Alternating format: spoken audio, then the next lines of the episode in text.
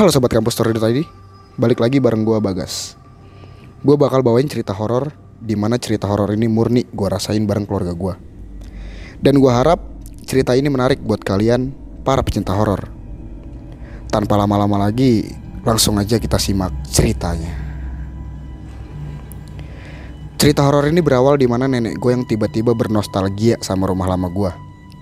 Asal kalian tahu, gue udah tiga kali pindah rumah, yang di mana rumah ketiga ini adalah rumah yang masih gue tempatin sampai sekarang. Dan banyak cerita menarik dari dua rumah sebelum rumah yang saat ini gue tempatin. Cerita menarik yang gue maksud di sini adalah banyak sekali cerita horor yang dialamin sama keluarga gue sendiri, bahkan tamu-tamu ataupun saudara-saudara yang sempat datang ke sana. Jadi rumah ini sebenarnya adalah rumah kedua yang gue tinggalin sebelum gue pindah rumah ketiga yang sampai saat ini gue tempatin. Sebenarnya buat dibilang sebuah rumah, rumah ini sangat-sangat nyaman buat ditempatin. Dia berada di suatu perumahan yang elit di kota Tangerang, di mana kalau gue sebutin nama perumahan ini, pasti semua kota Tangerang tahu. Tapi buat ngejaga nama baik dari perumahan ini, gue nggak bakal sebutin nama perumahannya.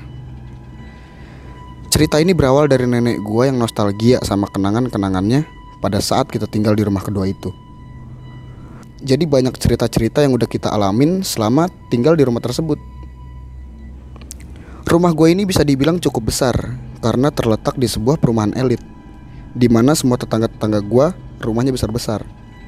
Pasti kalian semua pada tahu dong, namanya perumahan elit pasti minim pencahayaan dan jarak rumahnya itu lumayan jauh-jauh.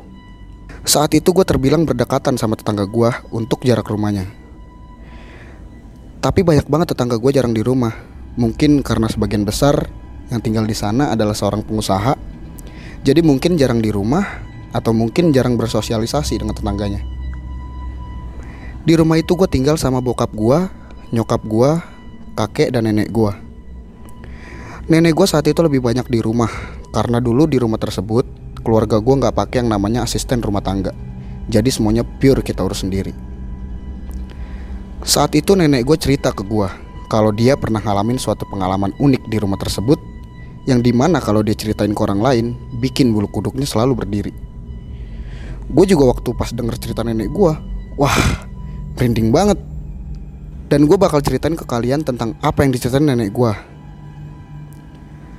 Saat itu, gue dan nenek gue kebetulan cuma berdua aja di rumah. Dan di situ waktu menunjukkan sekitar jam 8 malam. Untuk pegawai kantoran, seharusnya jam segitu udah pada pulang kan. Tapi saat itu kebetulan banget bokap atau nyokap gue belum ada yang pulang. Tapi nenek gue mikir, namanya juga Jakarta, pasti macet, apalagi kalau naik mobil. Saat itu emang bokap gue kerja di Jakarta Utara dan nyokap gue kerja di Jakarta Barat. Biasanya bokap sama nyokap gue itu sering berangkat bareng dan pulang bareng. Tapi kadang nyokap gue pulang sendiri karena bokap gue lembur. Jadi udah biasa, gue dan nenek gue kalau tiba-tiba ngeliat nyokap gue pulangnya sendirian tanpa bokap gue. Malam itu gue belum makan malam, walaupun bisa dibilang buat anak kecil seumuran gue, di mana gue saat itu masih kelas 1 atau kelas 2 SD gitu. Di situ nenek gue nanya, mau makan apa? Terus gue jawab, mau makan pepes ikan. Makanan ini adalah makanan favorit. Jadi kalau gue makan pepes ikan ini, bahkan satu ikan sendiri gue habisin. Nah, betulan nenek gue emang lagi masak pepes ikan ini. Tapi dia khawatir kalau gue makan sendiri, nanti duri-durinya nggak kelihatan buat anak kecil agak serem kan. Takutnya nanti durinya ketelen. Akhirnya nenek gue ngambil nasi dan ikan pepes, lalu nyuapin gue. Terus misahin duri-duri ikan itu. Beberapa menit berlalu, sekitar hampir jam 9 malam, nenek gue mulai khawatir. Kenapa orang tua gue sama sekali belum ada yang pulang? Dia khawatir takutnya ada apa-apa di jalan. Akhirnya gak lama kemudian, gue sama nenek gue ngedenger suara pintu kebuka dari garasi. Lalu nenek gue nanya, apa mungkin orang tua gue udah pulang? Soalnya kalau bokap gue yang pulang, harusnya ada klakson mobil. Tapi suara ini tuh bener-bener cuma kedengeran suara pintu aja. Bukan kayak pintu garasi yang panjang terus digeret buat masukin mobil atau kendaraan lainnya. Jadi nenek gue mikirnya, wah mungkin nyokap gue udah pulang. Dia memutuskan pulang sendiri karena bokap gue mau lembur. Nggak lama kemudian, kok abis pintu kebuka itu nggak ada suara langkah kaki ataupun kelihatan dari lorong yang nyambung sama garasi gue itu. Seharusnya kalau ada orang masuk dan itu udah malam, pasti nyalain lampu garasi kan, biar kelihatan pas buka pintu. Tapi ini tuh nggak ada tanda-tanda lampu nyala. Nenek gue memutuskan buat bergeser mendekati lorong. Tapi nggak ngeliat siapa-siapa. Sampai akhirnya nenek gue cuma, ah mungkin salah denger aja kali atau mungkin ada pintu yang ketiup angin aja. Akhirnya nenek gue fokus lagi deh buat nyuapin gue dengan pepes ikan kesukaan gue itu.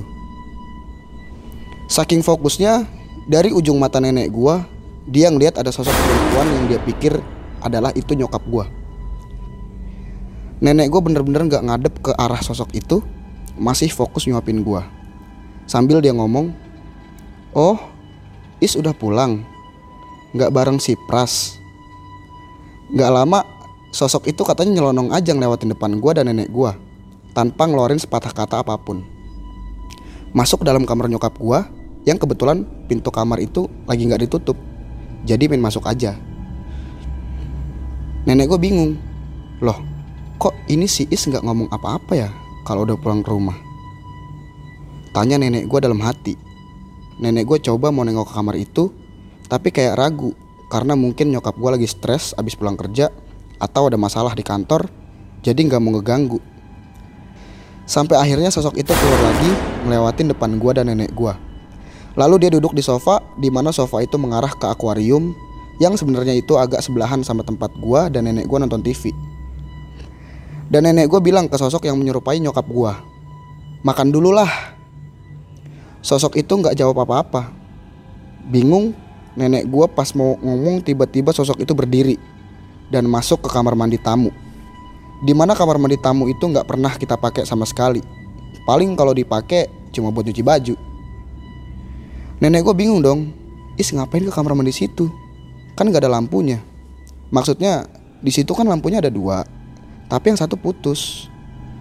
Gak lama kemudian, ya sekitar beberapa menit lah, kok nyokap gue nggak keluar dari kamar mandi Pas nenek gue ngeliat ke kamar mandi itu, pintunya ditutup dan lampunya juga nggak nyala. Merinding akhirnya nenek gue. Nggak lama ada suara klakson mobil dari luar. Kaget dong nenek gue. Dia langsung buru-buru ngeliat ke lorong yang nyambung ke garasi. Dan bener, di garasi itu lagi digeret garasinya sama nyokap gue. Dan bokap gue yang ada dalam mobil, masukin mobilnya ke dalam garasi. Nenek gue diem, sampai akhirnya bokap sama nyokap gue masuk dan beri salam. Di situ nenek gue masih diem dan megangin piring suapan terakhir yang mau disuapin ke gue. Dan dia ngomong langsung ke nyokap gue dan dia bilang, Loh, Is baru pulang? Tanya nenek gue. Nyokap gue dengan muka yang bingung ngejawab pertanyaan nenek gue. Iya mah, Is baru pulang. Is kan pulang bareng sama Mas Pras. Hari ini. Tadi di jalan macet banget. Mau ngabarin emak, lupa. Is ketiduran di mobil. Mas Pras kan fokus nyetir Gak berani megang handphone Emang kenapa mak? Dan nenek gue nanya lagi ke nyokap gue Is bukannya tadi udah pulang Nyokap gue kebingungan lagi Kenapa sih mak?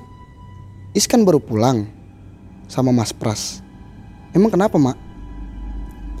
Lalu nenek gue melotot gak percaya dan kebingungan Bahkan merinding Terus bilang ke nyokap gue Loh, kalau Is baru pulang,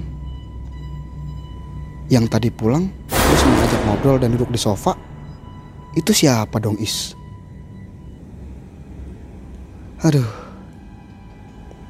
Gimana sobat? Menurut kalian cerita gue ini serem apa biasa aja? Pasti serem kan?